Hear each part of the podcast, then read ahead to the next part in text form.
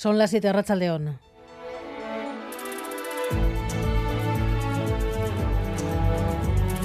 Gambara con Arancha García.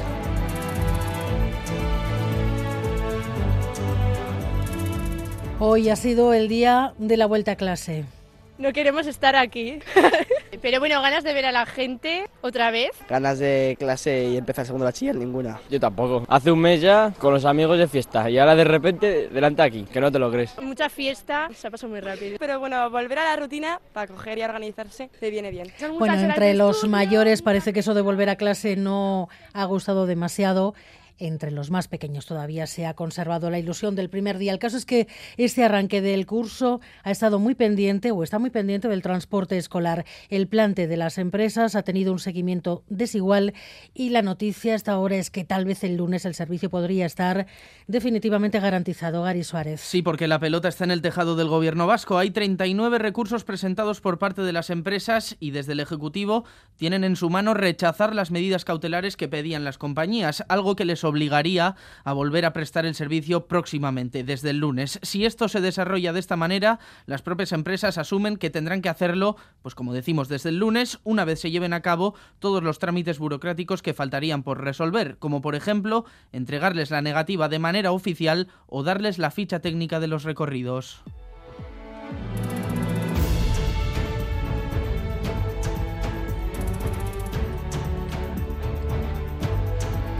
Y este parece ser el mensaje adelantado del Lendakari a los avisos de otoño caliente en el sector público. Los recursos son finitos, lo son como los de cualquier familia, porque no debemos olvidar que el Gobierno gestiona los recursos de esta gran familia que es nuestro país. Debemos mantener un equilibrio, un equilibrio entre todas nuestras prioridades, entre nuestros gastos e inversiones para no hipotecar el futuro de nuestro país. No se van a ahorrar esfuerzos ni en educación ni en el resto de servicios públicos, decía Lendakari, pero hay el dinero que hay y se va a utilizar con esa máxima, la de conservar el equilibrio. El aviso llega días después de calificar a ELA y a LAB de contrapoder, con respuesta del secretario general de ELA. Cualquiera que conozca la realidad de este país sabe que las huelgas forman parte del paisaje, afortunadamente, de este país, porque esas huelgas son las que permiten eh, mejorar la vida de, muchos trabajadores y, trabajadoras. Si el Lendakeri quiere buscar la explicación a su problema electoral, tendrá que buscar en otro, en otro sitio y tendría que centrarse sobre todo en analizar el porqué del malestar social los fiscales podrían empezar a investigar a la cúpula de la Iglesia por su inacción en los casos de abusos a menores. Podría haber un delito de encubrimiento. John Fernández Moro. Es lo que ha propuesto el fiscal general del Estado, Álvaro García Ortiz, extender la acusación a los encubridores de los abusos sexuales, incluir los daños morales y psíquicos como responsabilidad civil e implementar inhabilitaciones profesionales. Decenas de obispos en el Estado han sido acusados de encubrimiento, pero ninguno se ha sentado en el banquillo de los acusados. El Ministerio Público busca, según el fiscal general,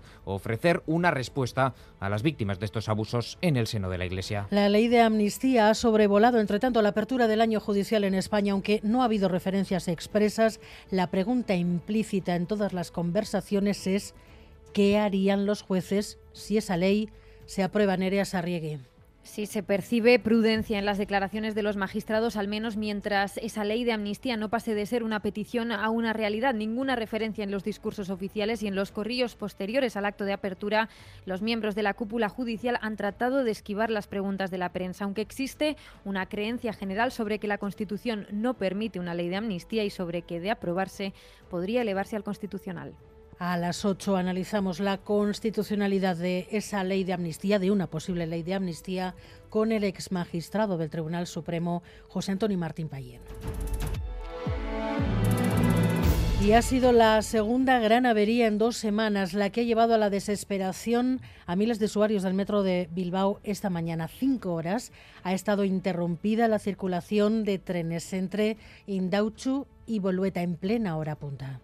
Una odisea, o sea, no sé ni cómo voy a llegar al trabajo. Una hora y pico de retraso, más de una hora. Nos han parado como tres veces en mitad del túnel, a una chica le ha dado un ataque de ansiedad. A ver si llegamos al trabajo hoy. Muchos, dos horas.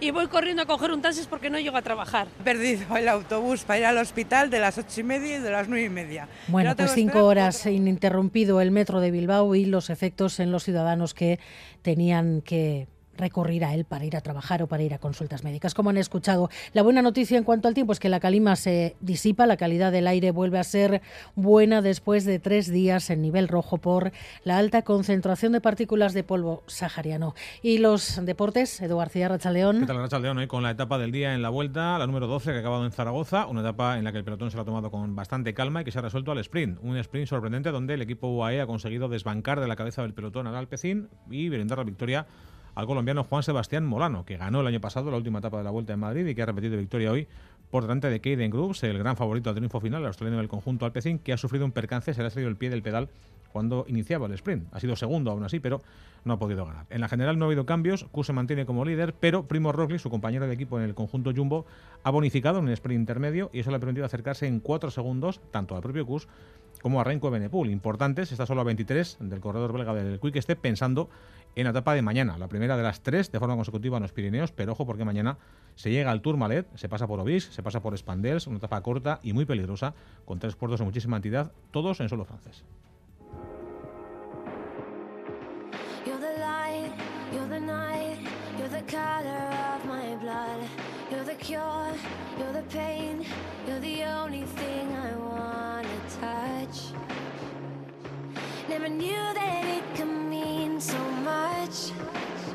El fiscal general del Estado ha alertado hoy sobre la influencia directa del consumo de pornografía y el aumento exponencial de delitos contra la libertad sexual. Los procedimientos de menores incoados por agresión sexual y por abuso ascendieron a 974, un notabilísimo y preocupante incremento. Consideran que eso es lo normal y tratan de llevarlo a cabo. Las causas de este aumento son complejas. A los chicos les encanta que la chica sufra, les pone. Fiscales especialistas apuntan a la confluencia de factores diversos. Destacan la carencia de una adecuada formación afectivo-sexual. La violación de la manada de Pamplona. Desde ese año el vídeo más visto cada año es una violación grupal. Y el acceso precoz a material pornográfico. Todos ven porno.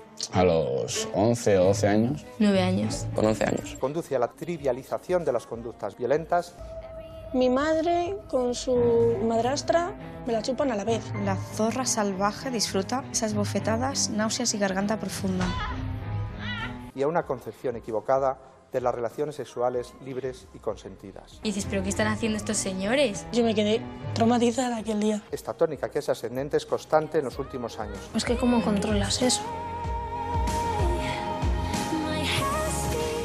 Los testimonios de los chavales que acaban de escuchar en el documental Generación Porno que hoy ha presentado EITV, la realidad de una acceso a la pornografía desde etapas muy jóvenes y esa alerta del fiscal general del Estado. Hay una relación directa entre el consumo de pornografía y ese aumento exponencial de delitos contra la libertad sexual.